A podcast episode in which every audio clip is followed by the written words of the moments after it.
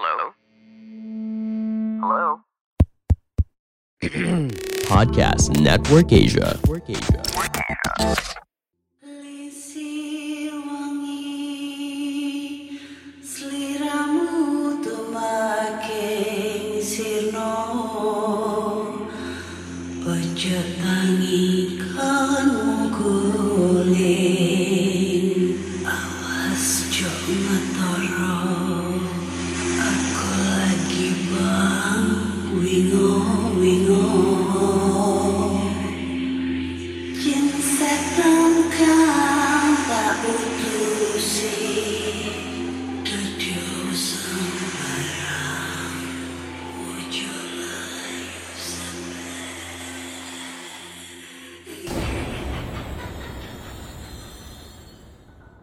Hai Re, ya apa kabar Ketemu lagi dengan aku si Ana di podcast kisah horor.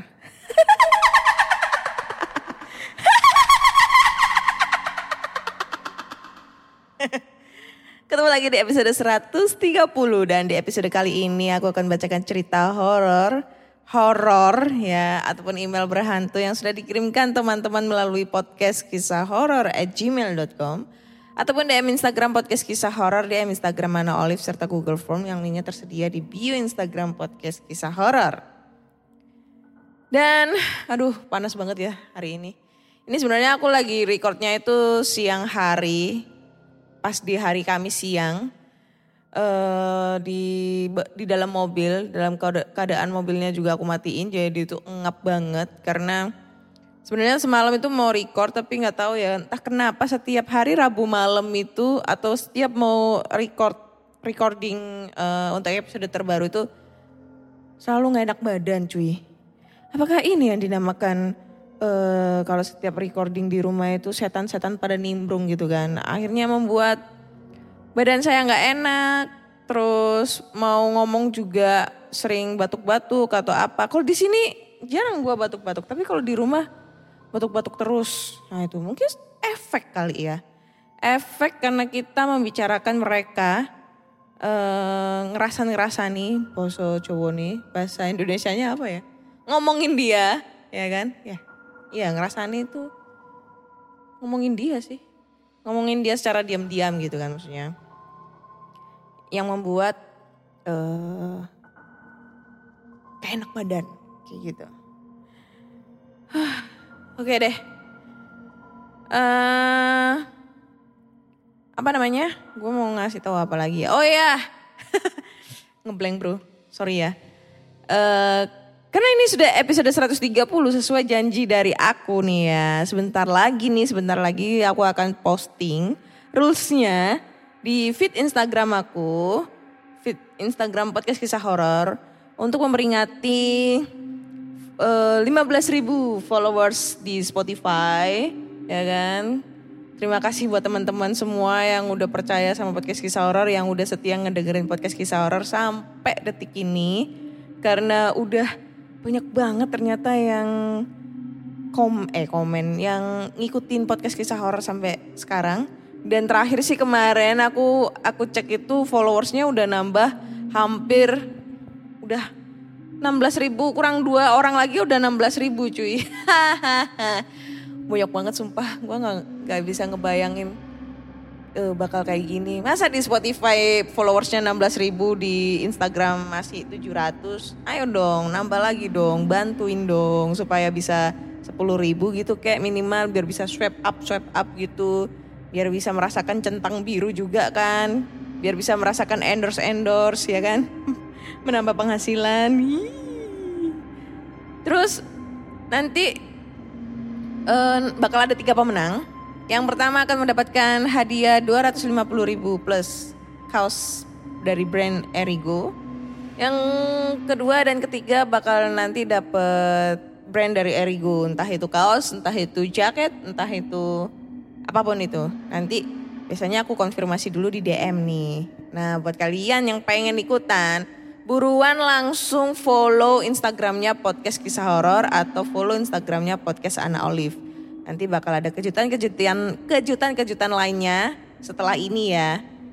Mungkin setelah ini ada G, eh, giveaway, biasanya nanti dua bulan berikutnya atau satu bulan berikutnya pasti bakal ada giveaway lagi gitu. Oke, langsung aja kita bacakan cerita ya. Dan cerita pertama ini datang dari Google Form. Dan saya belum buka Google Form. Bentar. Ini dia. Wah panas bro, Surabaya nih belum hujan sama sekali, gila. Cerita pertama ini datang dari Fai. Halo Kak Ana, perkenalkan aku Fai. Aku mau, ber- aku mau berbagi salah satu pengalaman yang menurutku horor waktu kecil dulu. Dari kecil aku sudah lumayan sering pindah-pindah rumah karena pekerjaan ayah. Sampai pada akhirnya, pada tahun 2007 kami sekeluarga pindah ke kota X yang dulu pernah memiliki sejarah kelam.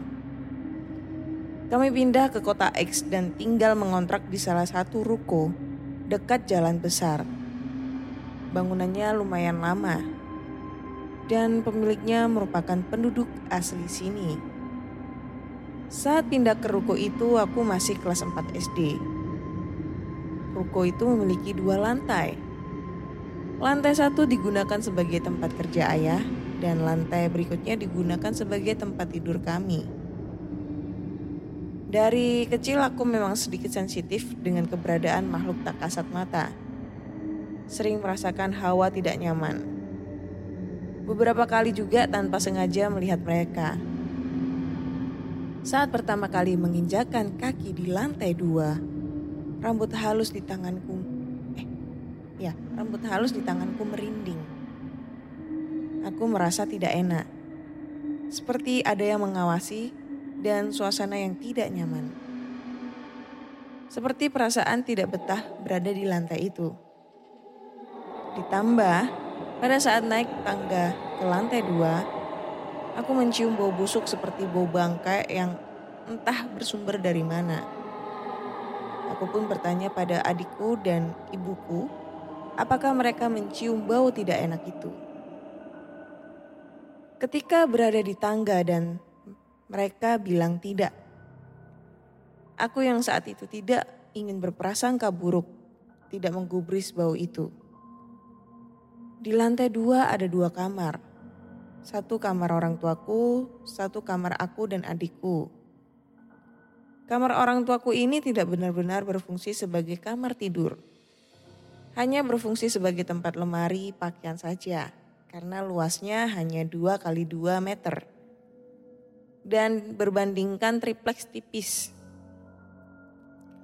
Meskipun ada jendela yang cukup besar dan disinari matahari, kamar ini selalu terlihat suram dan agak gelap dari ruangan lainnya. Suatu hari di siang bolong, aku sedang bermain PS di lantai dua. Posisinya di ruangan samping kamar orang tuaku. Ibuku yang saat itu baru selesai mandi hendak masuk ke kamarnya. Dari sudut mataku yang asik main PS, aku melihat ada sosok sekelebat putih dengan rambut panjang ikut masuk bersama ibu ke kamar. Aku tidak sempat melihat wajahnya karena hal itu terjadi begitu cepat. Aku terkejut saat itu hingga game yang kumainkan harus ku pause. Tapi aku tidak mengatakan apa-apa pada ibu soal itu. Waktu itu kembali lagi aku tidak berpikir negatif. Aku coba berpikir positif bahwa mungkin aku hanya salah lihat. Beberapa minggu setelah itu aku iseng ke kamar orang tuaku untuk bermain dengan kosmetik ibu yang ada di kamar. Siang itu saat aku sedang berdiri di depan cermin, tiba-tiba ada bau busuk seperti yang kecium di tangga ruko itu. Bau busuknya tidak pernah hilang di tangga itu. By the way, meskipun sudah lama kami tinggal di sana, sampai tangganya dibongkar pun, kami tidak dapat menemukan sumber baunya. Aku melihat ke lantai untuk mencari sumber bau itu, lalu ke langit-langit, sampai mataku tertuju ke cermin di depanku. Jantungku mau melompat keluar dari tempatnya. Di cermin itu aku melihat sosok wanita berdiri di belakangku dengan wajah pucat. Rambutnya berantakan dan berbaju putih. Dulu keringet anjir. Hah, Panas. Matanya tidak ada. Hanya ada dua lubang kosong di tengkoraknya. Wanita itu tampak tersenyum sadis kepadaku. Memperlihatkan geligi yang menghitam. Eh, geligi apaan tuh? Aku sangat ketakutan dan ingin berteriak, tapi tak bisa. Tenggorokanku sakit dan aku tidak bisa mengeluarkan suara apa pun. Kakiku pun tidak mau bergerak. Aku hanya bisa menangis karena ketakutan meskipun tak ada suara yang keluar. Aku menutup mata sambil berdoa dalam hati pada Tuhan agar wanita itu hilang. Entah berapa lama aku terjebak di posisi itu, ah, hingga akhirnya bau busuk itu hilang dan aku bisa bergerak. Badanku lemas, tapi kupaksa bergerak keluar dari ruangan itu dan berlari ke lantai dasar. Aku ingat saat aku berusaha meninggalkan kamar itu, aku mendengar suara tawa cekikikan, tapi tak kuhiraukan lagi. Aku tidak menceritakan menceritakan kejadian itu pada orang tuaku. Karena pasti dikira mengada-ngada. Tapi semenjak kejadian itu aktivitas di lantai dua menjadi semakin ramai. Apalagi di siang bolong ketika aku sendirian di ruko. Bunyi langkah kaki yang terdengar ketika aku sendirian di lantai dua. Bunyi ketukan di dinding kamar orang tuaku. Suara orang berbisik-bisik. Dan tidak jarang juga aku bermimpi buruk melihat wanita itu dan sosok laki-laki tinggi besar tanpa kepala di mana mimpi buruk itu selalu bertempat di lantai dua ruko itu. Entah mimpi itu hasil dari sugesti, trauma, atau aktivitas alam bawah sadar lainnya. Tapi nenekku yang pernah berkunjung ke tempatku dan tidur di kamar orang tuaku juga pernah bercerita bahwa beliau didatangi oleh sosok pria tinggi besar tanpa kepala di mimpinya. Sosok itu menyuruh nenekku untuk berhenti menyanyikan lagu pujian dan berdoa di kamar itu. Tiga malam sosok itu datang ke mimpi nenekku. Tentu saja tidak nenek hiraukan. Karena beliau orang yang sangat taat agama dan syukurnya nenekku tidak diganggu lebih serius lagi. Atau nenekku saja yang tidak cerita. Entahlah, sampai akhirnya tahun 2012 kami pindah dari ruko itu. Selama lima tahun itu, untungnya gangguan tidak se ekstrim seperti yang tadi. Mereka tidak pernah lagi menampakkan diri secara langsung dari dekat. Hanya beberapa kali aku melihat mereka dari jendela ketika aku berada di luar ruko. Beberapa kali terlihat bayangan orang bergerak yang terlihat di celah bawah pintu kamar ortu disertai suara langkah kaki padahal tidak ada orang di ruko selain aku. Dan suara-suara seperti yang kuceritakan tadi. Sekian ceritanya, maaf jika membosan, membosankan dan terlalu panjang bagi para pendengar. Sukses dan sehat selalu buat kalian semua. Thank you, Fai. Ya, Fai namanya. Fai buat ceritanya ya. Ntar panas banget sumpah. Oke. Mari kita berkomentar tentang cerita yang baru saja kita bacakan. Uh, cerita dari Fai tentang pengalamannya diganggu hantu di tempat tinggalnya di ruko yang uh, baru di kontraknya. Dibeli sih sama dia. Lupa. Nah itu.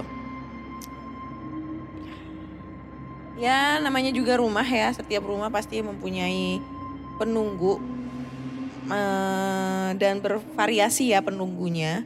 Apalagi lokasi tersebut sebelumnya tidak pernah dihuni.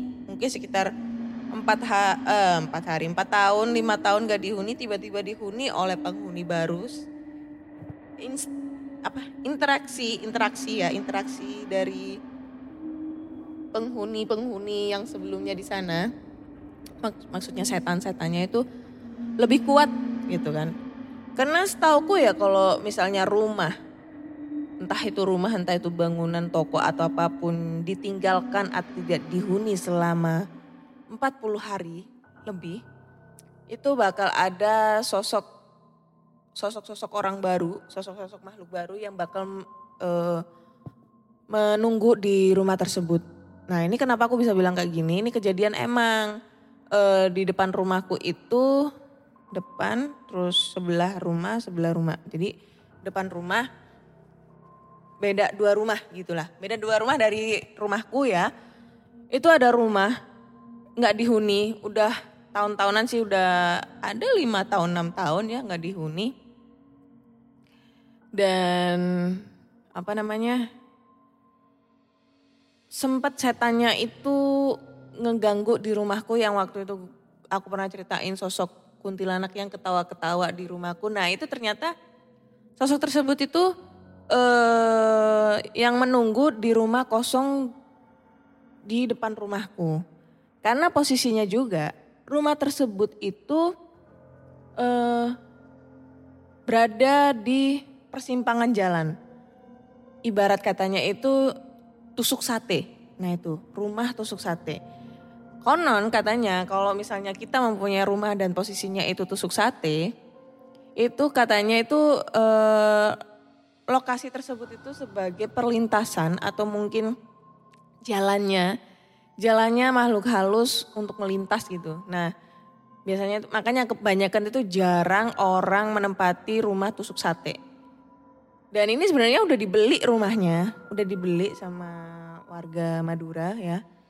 Tetangga barunya tuh, tetangga baruku tuh warga Madura. Terus dia tuh kayak mantan baru gitu loh di situ.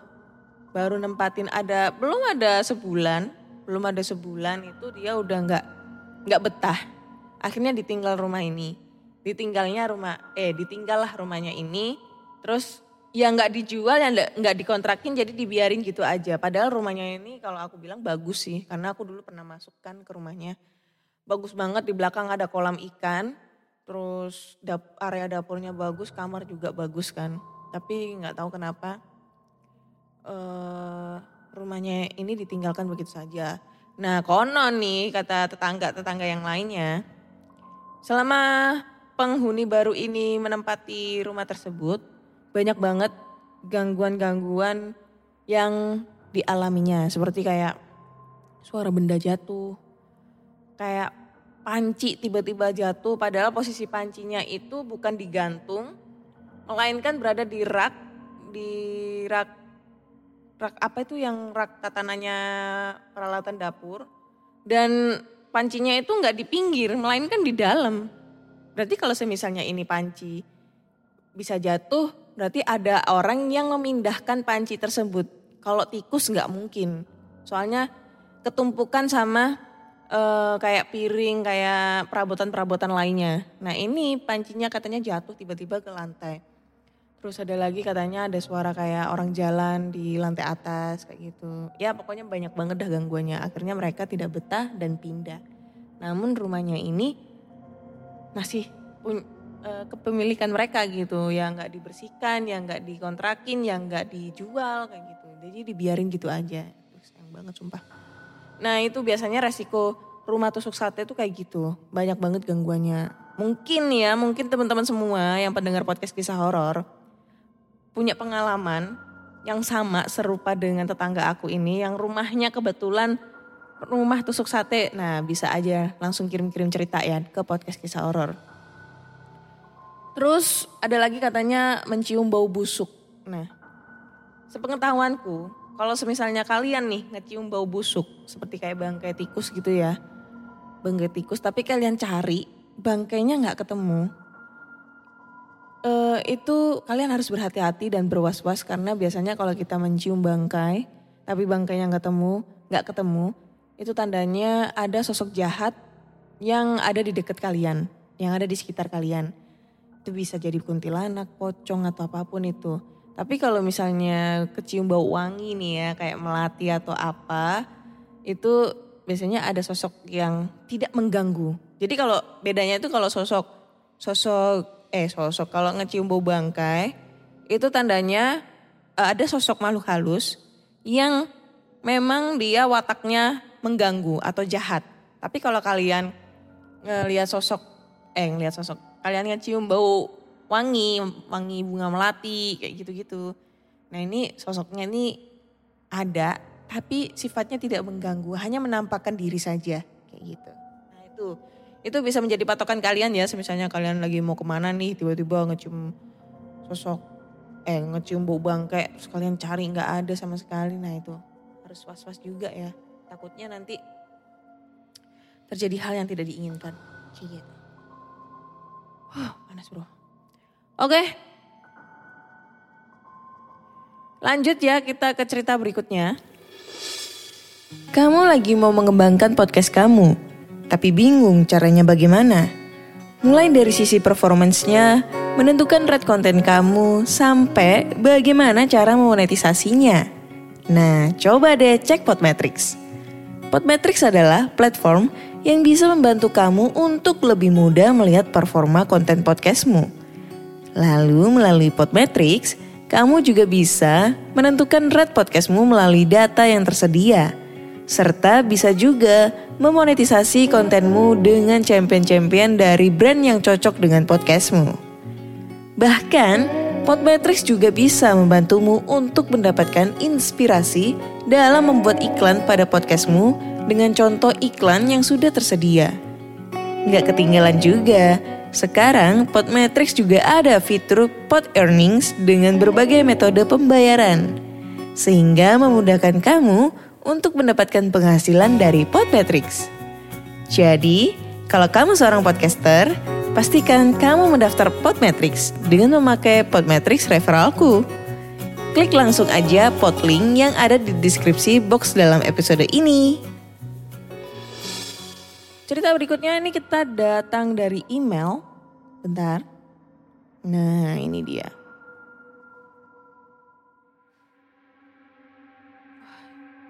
Cumen lagi nih yang bawain cerita Wanjay. Bang Cumen ini banyak banget ya pengalaman horornya.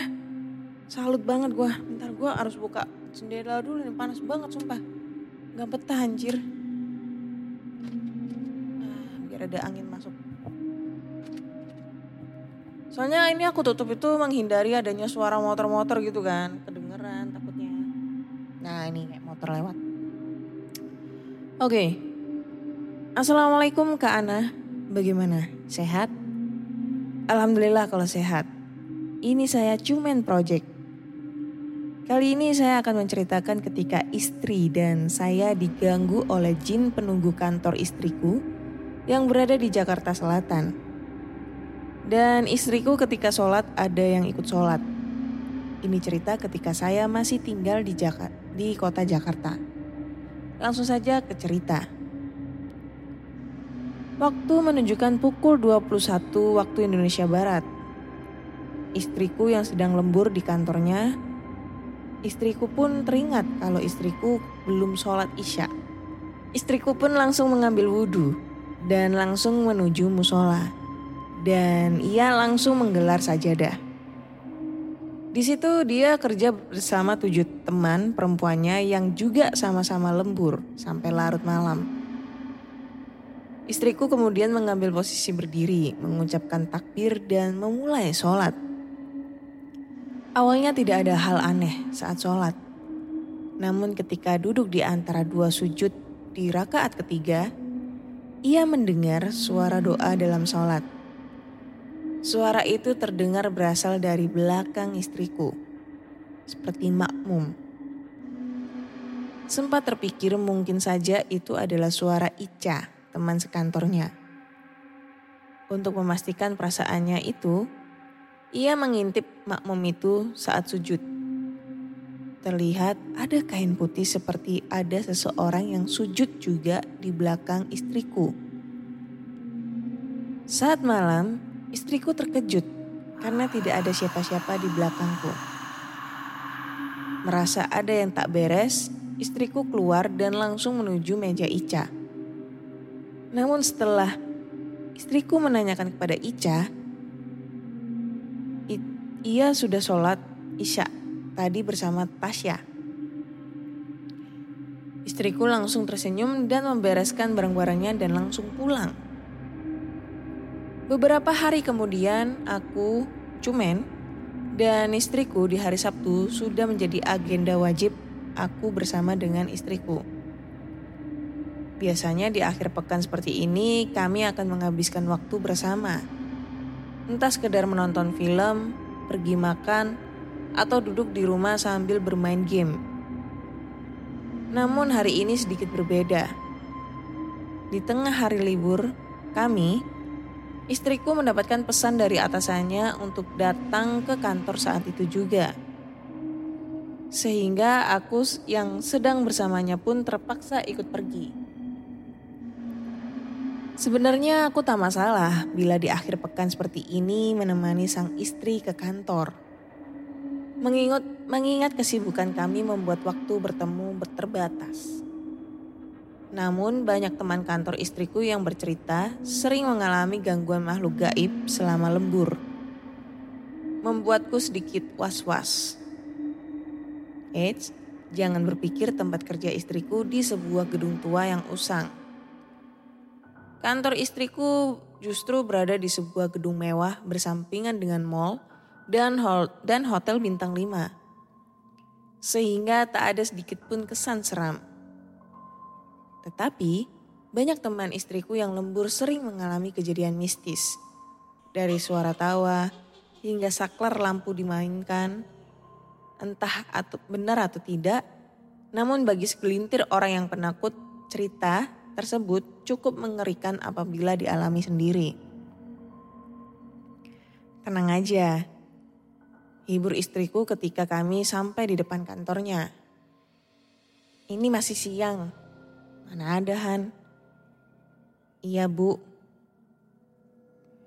Udah gak usah disebut itu nama terlarang. Potongku ya udah yuk, ajaknya. Aku mengangguk mengikuti istriku. Kantor istriku berada di lantai du, di lantai 6. Biasanya di setiap lantai ada dua hingga tiga perusahaan. Namun karena memiliki pegawai yang banyak, maka perusahaan istriku memutuskan menyewa satu lantai sendirian untuk kantornya. Alhasil di hari Sabtu ini, hanya ada kami berdua di ruangan seluas itu.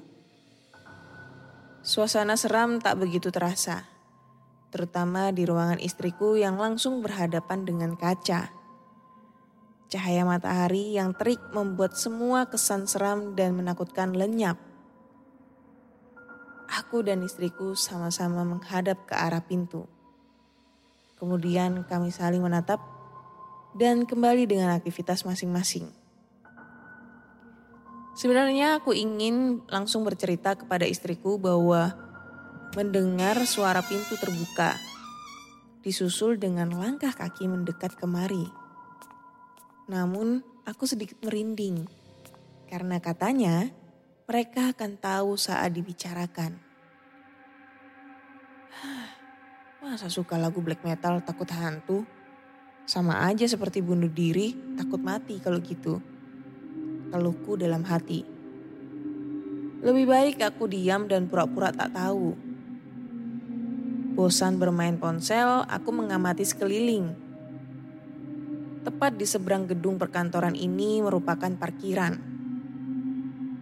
Sejak tadi sama sekali tak ada henti-hentinya mobil lalu lalang. Menunjukkan banyaknya pengunjung mall di akhir pekan. Jantungku seolah berhenti berdetak. Aku melihat sebuah siluet hitam tepat di samping pintu masuk ruangan istriku yang dibiarkan terbuka. Siluet tersebut tak begitu jelas, tapi aku tahu bahwa itu adalah makhluk asing. Aku menundukkan pelan kepalaku, berusaha agar tak terlihat jelas mengetahui kehadirannya.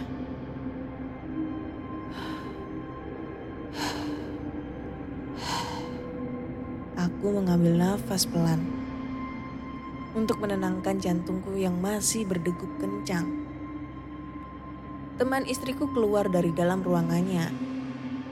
Kata teman sekantor istriku, eh ada mas Cumen. Kenapa mas? Anu mas, kataku terpotong bingung. Membuat, apa ini? Oh, membuat alasan apa? Bosan aja mas, hehehe.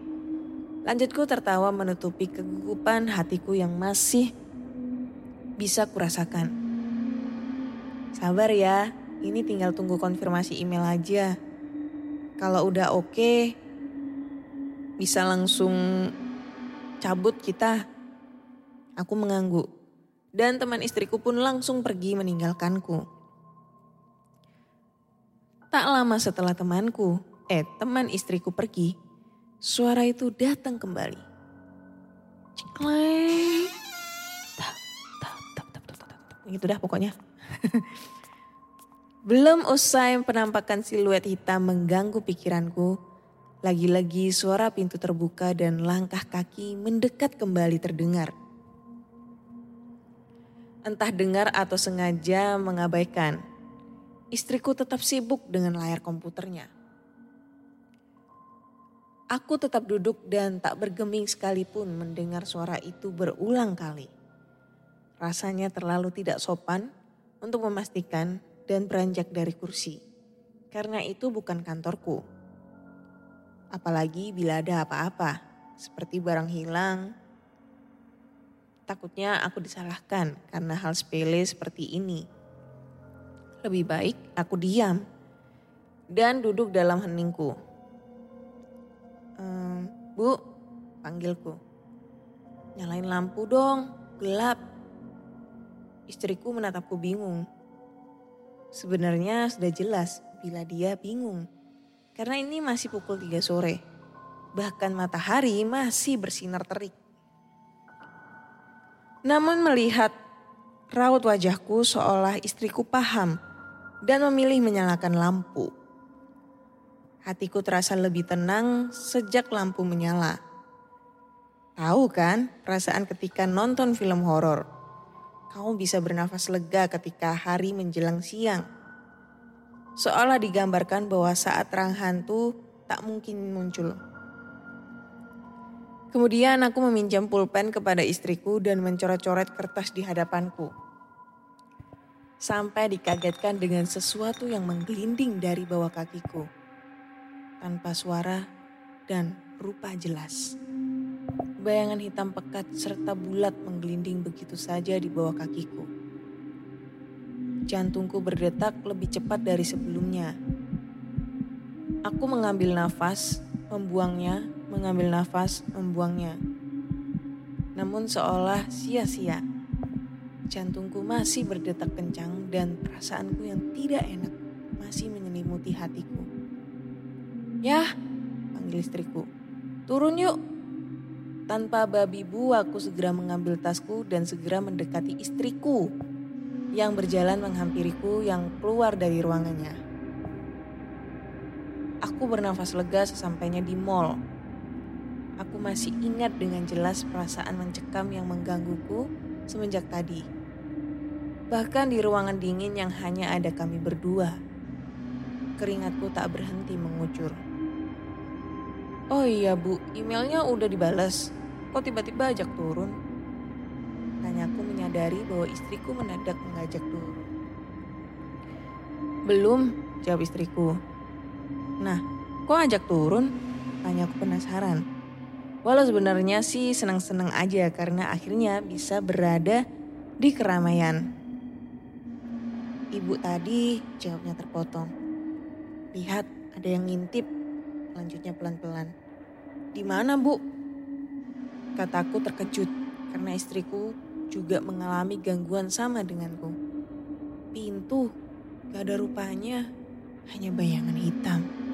Anehnya bentuknya itu oval. Kayak kepala ngintip tapi hitam. Aku terdiam, terkejut. Apa yang dilihat istriku sama dengan sesuatu di bawah kakiku tadi.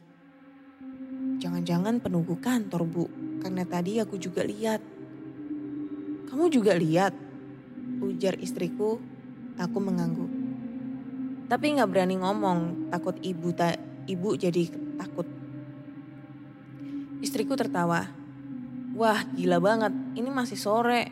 Bahkan matahari aja masih terang banget. Ibu juga dengar suara pintu dibuka dan langkah kaki. Istriku menjawab, dengar, tapi yang kedua dan selanjutnya sengaja ibu diemin. Aku langsung mengangguk pahan. Padahal selama ini ibu masih ragu sama cerita anak-anak kantor. Lanjutnya tertawa. Bahkan si Hadi tangannya pernah dicakar. Ibi, eh, ibi, ibu mikirnya rasional aja.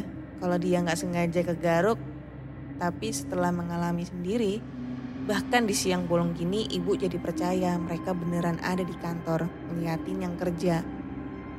Aku tersenyum. Benar kata istriku. Bila kita tidak mengalami sendiri, mungkin cerita-cerita seperti ini hanya seperti bualan. Tapi percayalah bahwa kita selalu hidup berdampingan dengan mereka. Saya dan istriku bukan tipikal yang tipikal orang yang penakut terhadap makhluk halus.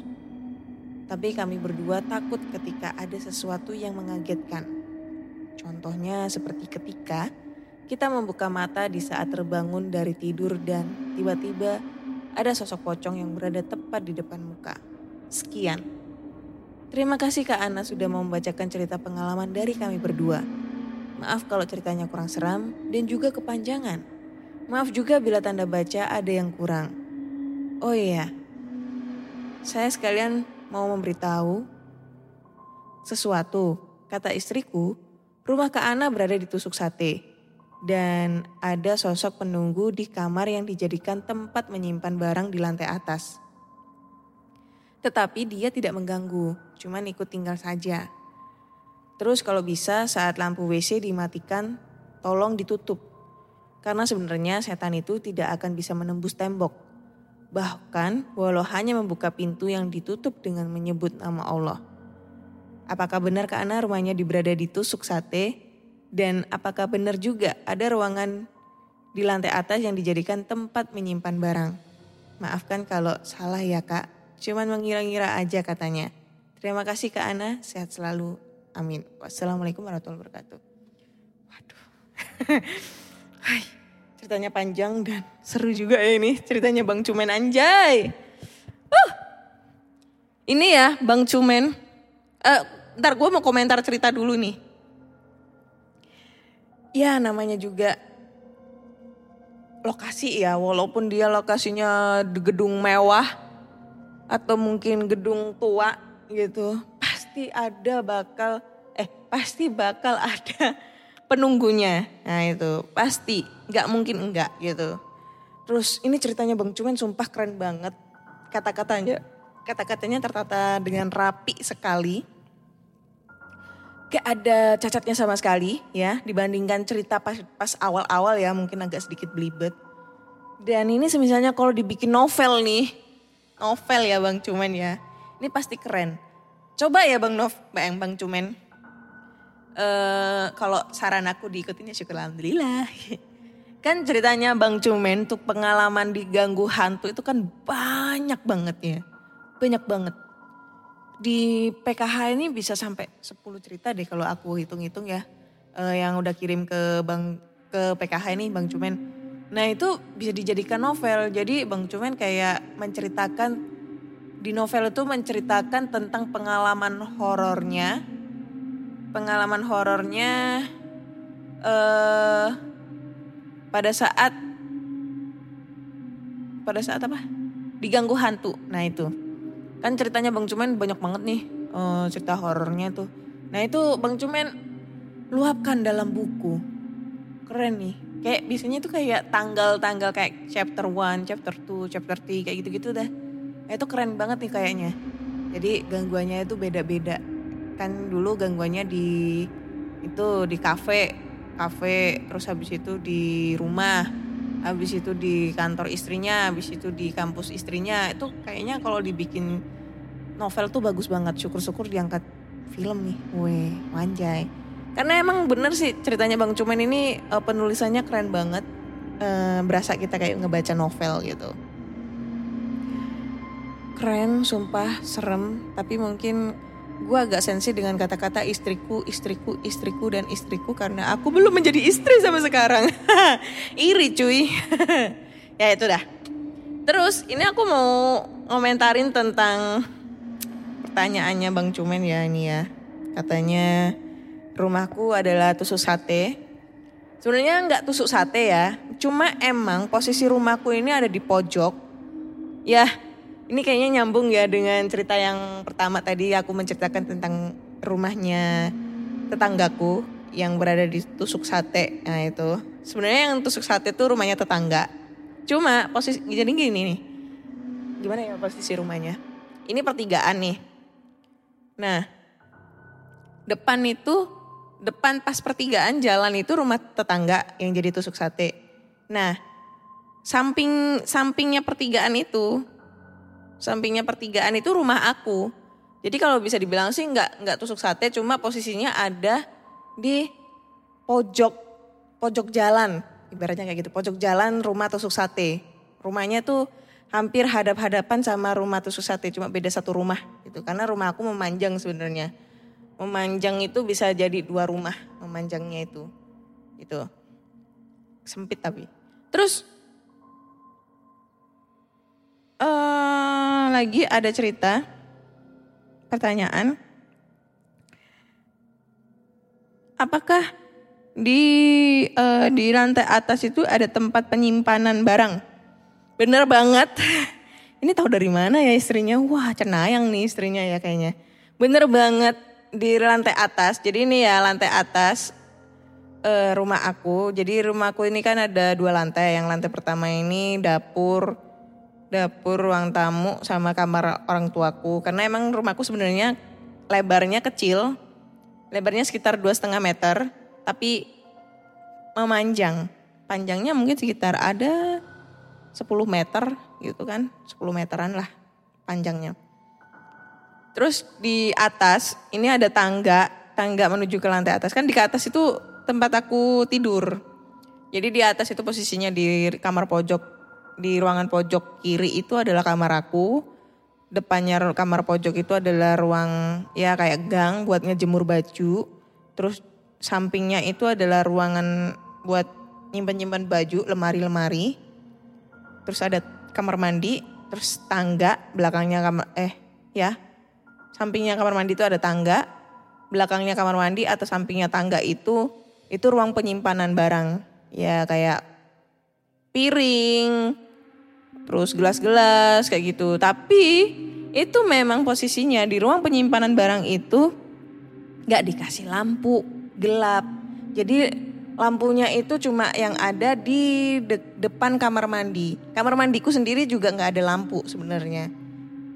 Ya pikirku kan mencakup tuh eh, bisa terang walaupun cuma terangnya remang-remang kayak gitu modelnya kayak remang-remang.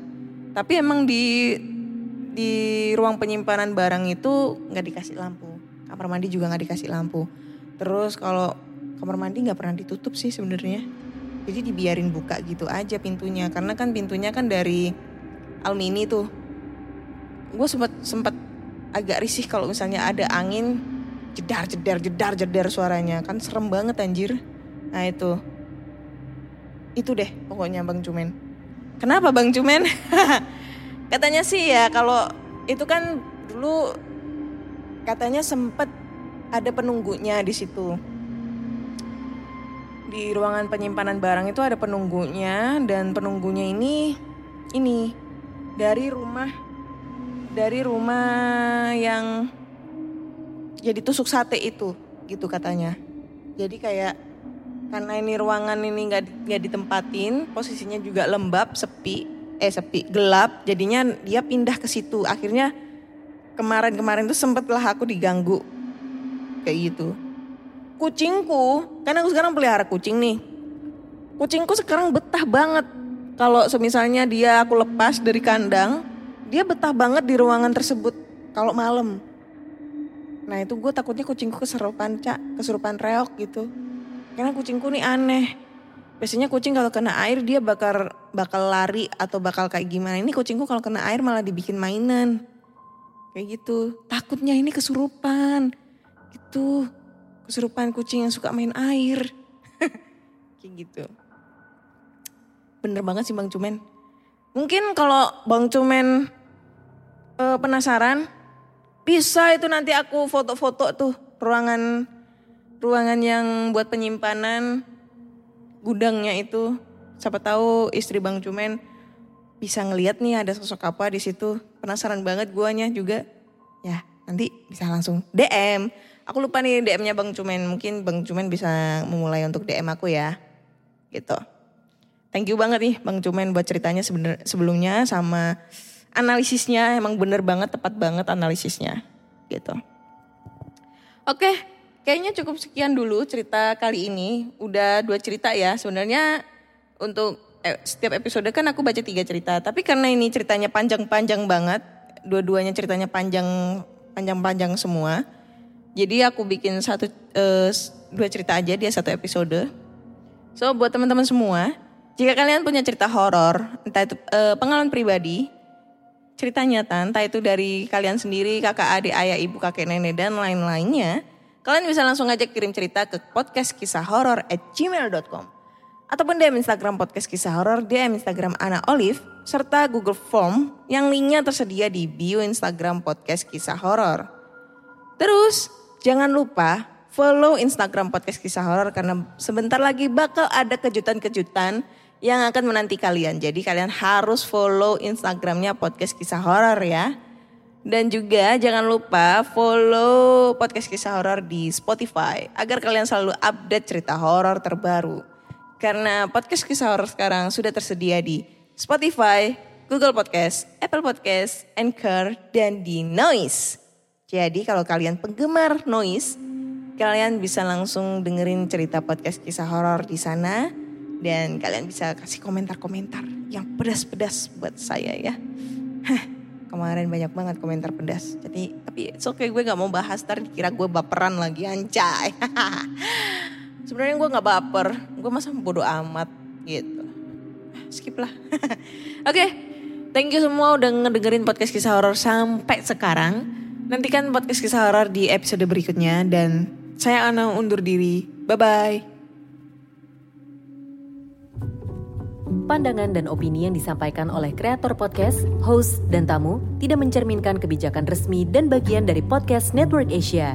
Setiap konten yang disampaikan mereka di dalam podcast adalah opini mereka sendiri dan tidak bermaksud untuk merugikan agama, grup etnik, perkumpulan, organisasi, perusahaan, perorangan, atau siapa pun dan apa pun.